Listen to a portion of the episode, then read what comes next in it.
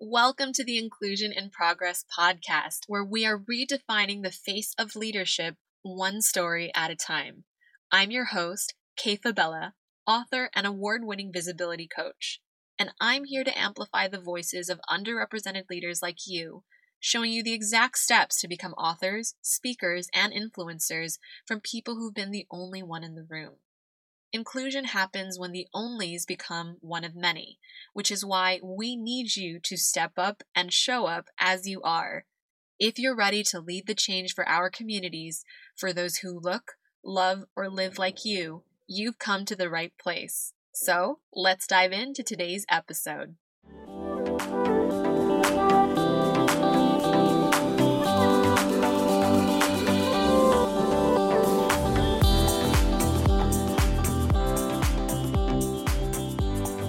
Welcome back to Inclusion in Progress. And I'm smiling because it's so crazy how next week is Christmas already. What? Where did the time go?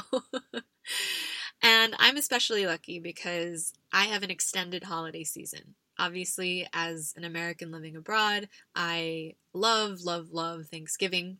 Uh, it's my favorite holiday of the year by far. And whenever we're home, we will host a Friendsgiving the Saturday after Thanksgiving in our apartment because womp womp, living in Spain, we don't get Thursdays off. But I am now, ooh, I think I'm now five. Yep, I was, I finally cooked turkey number five this year.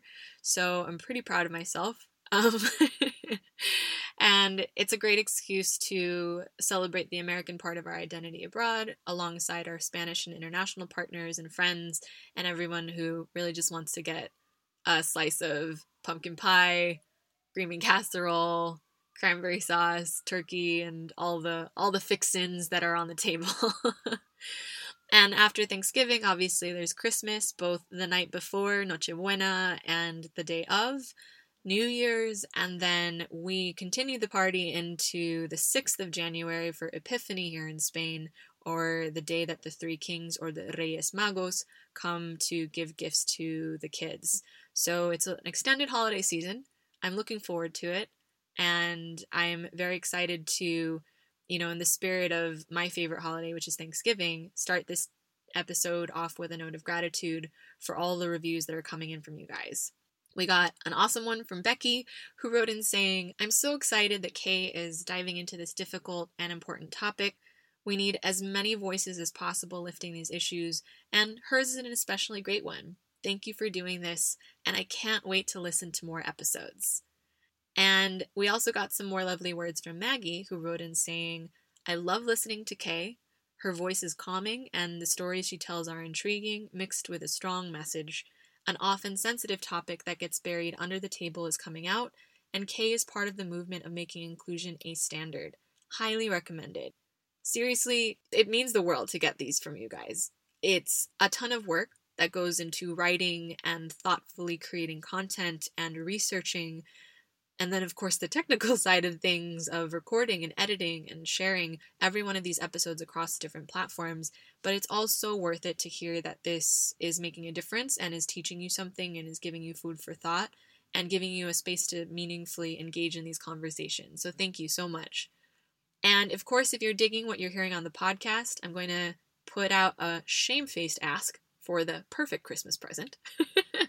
which would be a like or subscribe or a review for us on iTunes from you. Would so appreciate it. Or if you want to connect with me directly, send me an email to k at kfabella.com, F is in Frank, A, B is in boy, E, L, L, A. I read each and every email, and of course would love to hear what episode has resonated with you most so far. If you're like me and looking at your calendar and thinking, whoa, where has this year gone? You're definitely not alone. I myself have been head down with Team Kay, you know, getting the business ready for 2020 and specifically thinking how we can continue our mission to help amplify the voices of underrepresented leaders. And from doing weeks of market research and proactive outreach, we saw an opportunity within corporate companies to to help those key stakeholders with their diversity and inclusion initiatives. So we spoke with them directly. We asked what was working, what wasn't. We listened intently to understand what these companies were struggling with, where they could use support, and what solutions we could specifically come up with to help them reach their objectives. The companies I work with now requested support for these D&I initiatives back in October and November, as they wanted to get the right structures in place before the holidays. Most of these organizations are super forward thinking, and the ones that I'm working with tend to be from the financial services and fintech sectors, where, as we know, diversity has historically been quite a challenge. And they're now working with me to take D&I from buzzwords to business growth for 2020 and beyond. Because as it turns out, even though many of these companies have their own councils for diversity and inclusion and different structures in place, there is still very little clarity on how to actually create inclusive organizations, how to build it out systemically and go beyond just fun facts to throw around on press releases or their annual CSR and ESG reports. Unsurprisingly, building out diversity in the workplace requires a ton of introspection, investment, and a long term strategy for implementation for that company to become more inclusive. So, there's also the additional question of how do you associate the KPIs for diversity and inclusion with the organization's business goals? Most of the clients that I work with don't need to be convinced of the importance of diversity and inclusion in their organization, but they do struggle with how to build out a long term strategy for creating systemic inclusion that involves key stakeholders working at every level to make it a reality. As one financial services professional said to me, the challenge now is how do we turn D&I from kumbaya to tangible results that everyone in our company can get behind. In today's episode, I'll be walking us through the business case for inclusion and why diversity and inclusion, or D&I, isn't just a moral imperative, but a business one that you should be paying attention to as well. Many of us know, or I'd like to think, intuitively, that diversity is a good thing. and specifically, it's a good thing for business. This case for establishing and creating a truly diverse workforce at all organizational levels of your company grows more and more compelling, and there's more and more evidence that piles up each year.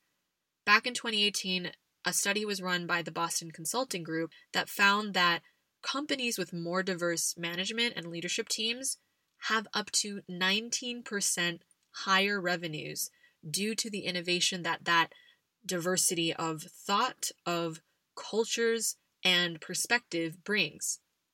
That's particularly significant for tech companies like the ones that I work with, or financial services companies, or startups, and other industries where innovation is critical to long term growth.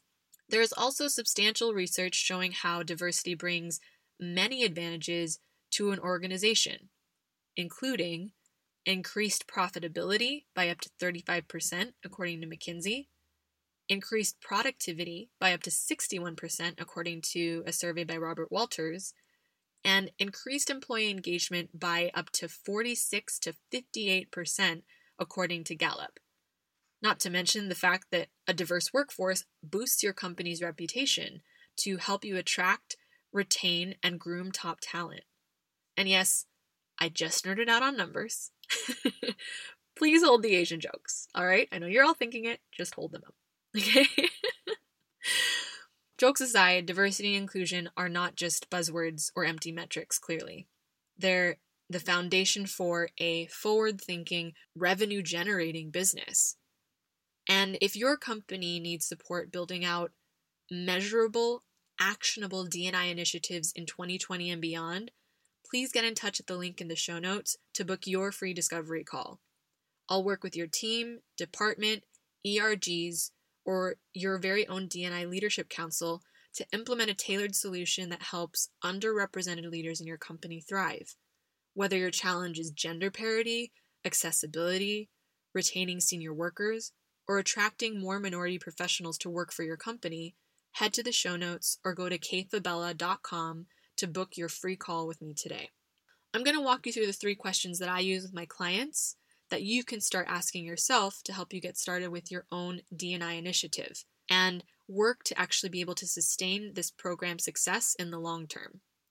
First, ask yourself what can you do today to make your organization more welcoming for your next generation of employees and leaders?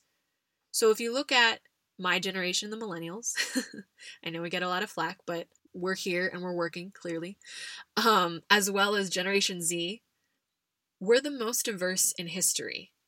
In fact, only 56% of the 87 million millennials in the US are white, as compared to 72% of the 76 million members of the baby boomer generation. That's massive. Younger professionals, those of us who are under the age of 44, are increasingly members who identify with minority groups.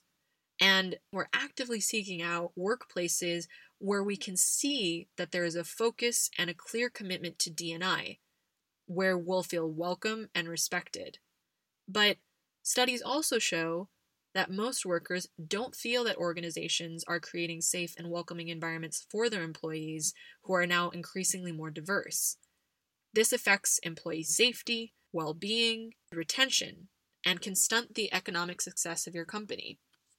So be asking yourself how do you want your workforce to look like in 20 years? What do you want your leadership team to look like in 20 years? And then ask based off of the changing demographics, what can you do today to make your organization more welcoming for your next generation of employees and leaders for tomorrow? The next question to be asking yourself is Do you find it difficult to recruit outside of your own image? If you're struggling to attract diverse talent to your company, it probably has to do with the messaging that you need to be updating both internally and externally. In the US, a survey found that 67% of job seekers consider workplace diversity to be an important factor when they're considering where they apply for jobs. So consider this when you are hiring or you have recruitment processes, do you find that diverse applicants are applying for your company? And if you're looking for definitions on what diversity looks like and what the different pillars of inclusion are, head to episode 3 where I define those pillars for you. If diverse applicants aren't applying for your company, ask yourself why you think that is. The answer to this question should then go hand in hand with your HR department and your organization's overall hiring policies.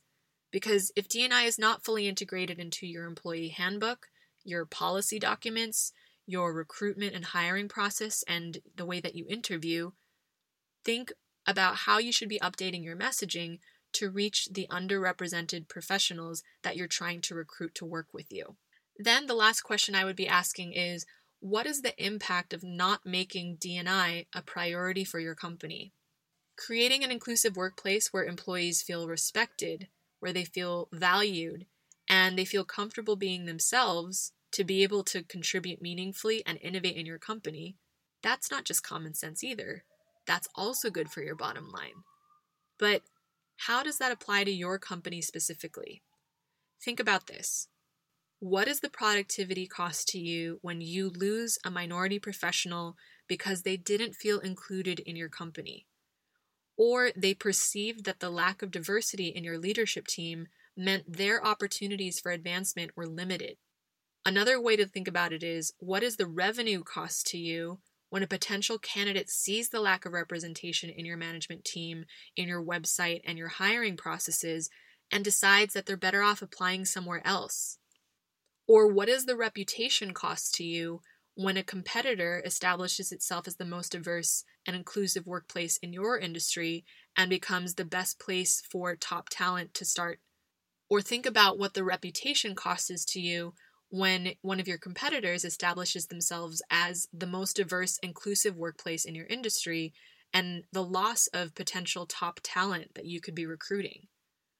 Once you've established those benchmarks, whatever they are specifically for your company, ask what needs to be done to create a thoughtful, results driven approach to D&I that you can regularly test and measure and make sure that there's buy in from all of the key stakeholders that need to make this happen in your organization. Now, I know today's episode's a bit more nerdy than usual for a word lover like me, but the reason why I'm talking about this is because it's a conversation that's come up time and time again when I've been speaking to companies about DNI. When the stakeholders who've reached out to me say they're looking how to take it from this qualitative nice to have to a quantitative must have so that their company continues to build on their diversity and inclusion initiative.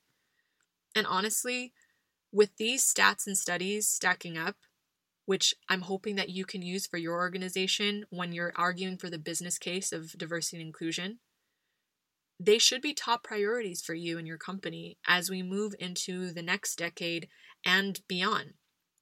Yeah, I know, 2020 is a new decade, people. What?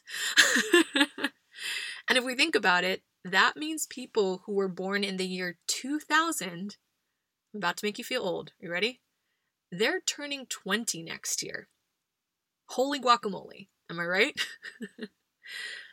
but here's the thing those soon to be 20 year olds, they grew up in a world where diversity and inclusion aren't just fancy buzzwords, it's the reality that they live and breathe. They're more open minded on topics like race, sexual orientation, gender, religion, and culture than ever before. They're more demanding of the companies that they work for and that they invest in with their hard earned dollars and hard earned cash than ever before. And pretty soon, they're going to be joining the workforce in mass. So ask yourself is your company being proactive in prioritizing DNI in a way that's ready for Generation Z and beyond? Or will you choose to remain reactive when your senior workforce retires and leaves a massive knowledge gap or when you just have to handle a PR crisis when a newer employee calls you out for systemic discrimination. Listen, diversity and inclusion will drive your business reputation and profitability in the years to come. And for your company to thrive on the inside, it needs to mirror how the world looks outside. I'll work with you to create an intentional, long term solution for DNI within your organization around executive diversity storytelling, so, working with your executive or leadership team to share stories that foster awareness, advocacy, and inclusion, and inform the DNI strategy your company needs to implement. We can also work together on your DNI strategy, whether it's building an HR strategy or partnering with your DNI council on strategic planning, development, and best practices to take that strategy to implementation across your team, department, and organization overall. We can also work together around employee and ERG support. So, giving your underrepresented employees through new and existing ERGs the tools and resources that they need, or helping you with executive sponsor development to tie those ERGs to your company wide business priorities, or even just deliver group trainings aimed at fostering diverse talent in leadership and doing so through mutual shared responsibility. Or just get in touch so that we can create a tailored solution that works for whatever your organization needs right now. I work with clients at all stages of their DNI journey. No matter where you are on yours, I can help. So get in touch at the link in the show notes or head to kayfabella.com to discuss what that tailored solution for your company looks like today. Thank you so much for tuning into the podcast, and please remember to subscribe, rate, and leave a review for us on iTunes. I'll wrap up by wishing you a Merry Christmas, Happy Holidays, whatever you celebrate, and I'll see you on the other side of 2020 with even more episodes of Inclusion in Progress. See you in the next episode, and an early Happy New Year.